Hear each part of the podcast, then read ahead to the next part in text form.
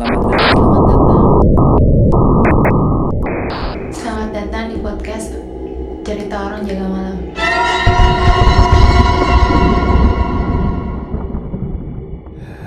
Selamat datang kembali di Jaga Malam.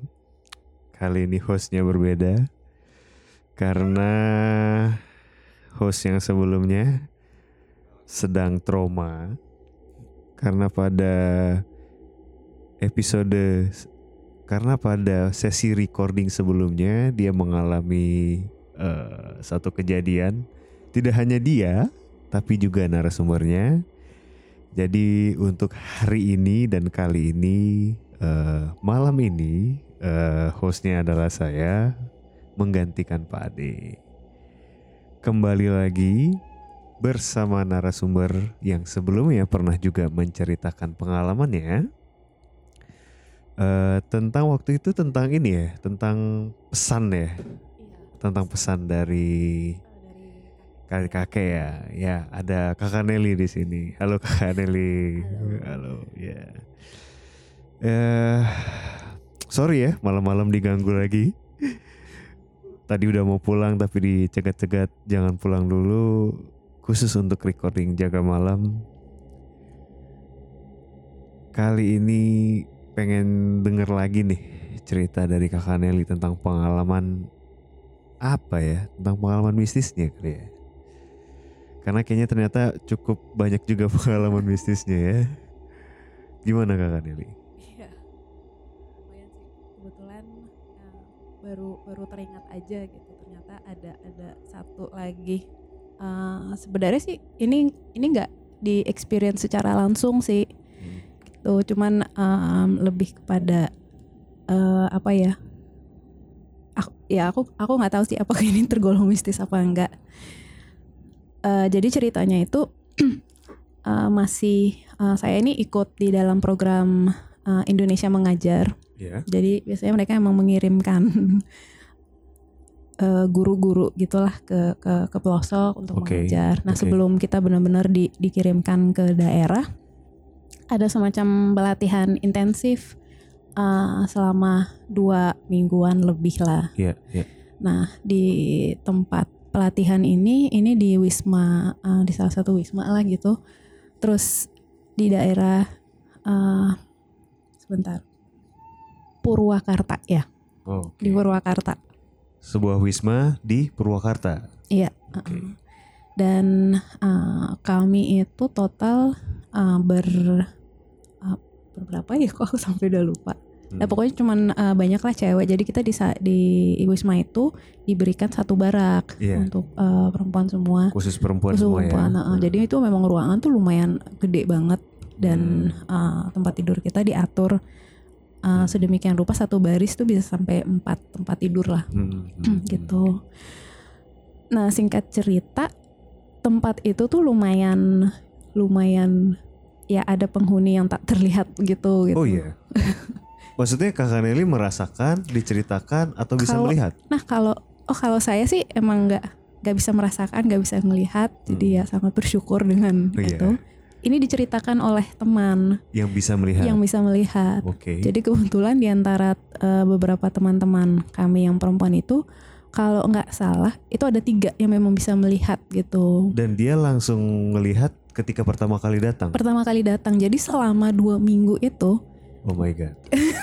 kita tidur malam-malam, eh, dia melihat bukan cuma satu, tapi ternyata tuh ada dua sosok, Oh dua iya. sosok yang eh, di- jadi di atas lemari, literally di atas lemari eh, beberapa eh, teman Ya. sosok itu duduk dan dia duduk dan dia memperhatikan berbagai macam kegiatan yang kita lakukan mulai dari ya kita datang sampai tidur malam pun mereka ada di situ jadi kayak literally duduk dan ngelihatin kita Oke. Ini kita coba visualisasikan ruangan ya. Ruangannya itu besar.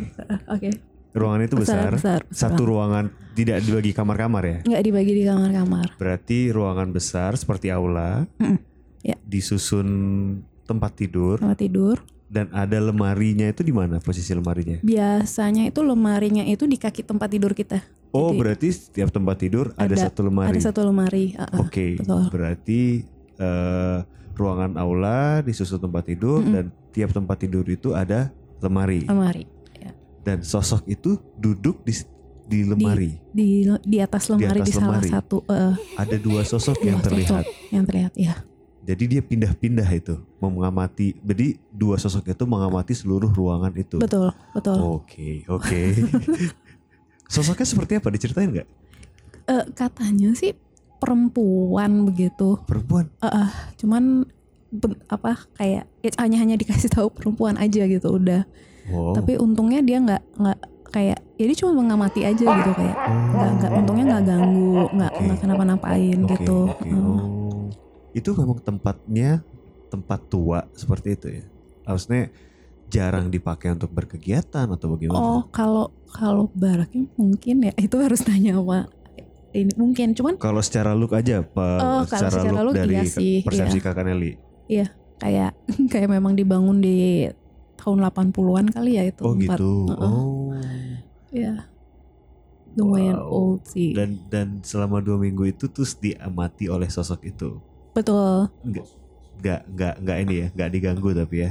Nggak untungnya kita Oh. kita kita sama sekali diganggu nggak diganggu mungkin eh apa ya teman-teman yang ngelihat juga ini jadi kebetulan ketiga teman ini memang mereka bisa melihat dari kecil jadi Hmm. mungkin juga udah terbiasa dan sebagainya Eh, mungkin mereka merasa secara it's wise not to apa kasih tahu ke Iya. teman-teman gitu Iya. takutnya nanti kita Heboh. heboh atau mungkin Terus ada yang Bisa berpotensi menimbulkan hal-hal yang tidak diinginkan. betul betul Diceritakan itu setelah kegiatan, di tengah-tengah kegiatan atau awal waktu nyampe untungnya itu baru dikasih tahu setelah setelah kegiatan. setelah kegiatan setelah Oh, pelatihan setelah pelatihan. Pokoknya Iya. sudah sudah tidak lagi beraktivitas di Mm-mm. ruangan itu ya. Iya. Oh, oke.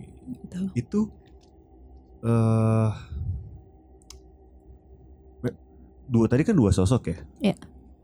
Dua-duanya perempuan.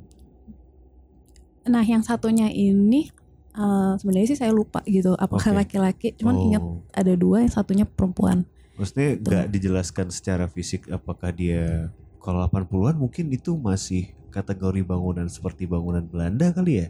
Apakah dia eh perlawakannya noni Belanda atau apa gitu nggak Oh, diceritakan? Nggak oh. nggak ada diceritakan. Enggak sih, enggak. Cuman emang dia bilang kelihatannya orang setempat, jadi kemungkinan besar Oh. memang eh, perawakannya memang apa Jawa gitu kan berarti. Oh, Iya, orang setempat ya. orang setempat ya. Buset. lumayan, lumayan, lumayan. Agak lumayan. sedikit shock sih ketika mendengar itu kayak nggak nggak kebayang dan Tapi dia memang posisinya selalu di atas lemari. selalu di atas lemari. Jadi ketika setelah maghrib gitu, baru tiba-tiba muncul dan duduk di situ. Oh, Dan ya itu hanya duduk dan ngelihatin kita. setelah maghrib duduk di atas lemari. Iya, tiba-tiba udah ada. Kalau siang duduk. gitu nggak? Kalau siang justru nggak nggak ah, nggak kelihatan gitu. Oh, oke. Gitu. Wow. Iya. Setelah maghrib pasti di atas lemari dan posisi lemari itu berada di bawah kaki. Yang artinya setiap lu bangun dan setiap lu tidur lu pasti ngadep ke sana Ya, kan? mungkin iya. Oh my god. Gua nggak kebayang sih gue jadi maksudnya di suasana kayak gitu tiba-tiba lu eh, tiba-tiba si sosok itu punya kekuatan yang mampu menunjukkan dirinya Hmm. ke salah satu kalian ketika baru bangun tuh kayak langsung wah. Iya. oh my god oh my god oh my god. Mendingan gak usah dibayangin gak usah dilanjutin lagi terima kasih kakak Nelly atas ceritanya. Makasih juga Mas Oki. selamat mendengarkan teman-teman. Sampai jumpa di jaga malam selanjutnya. Dadah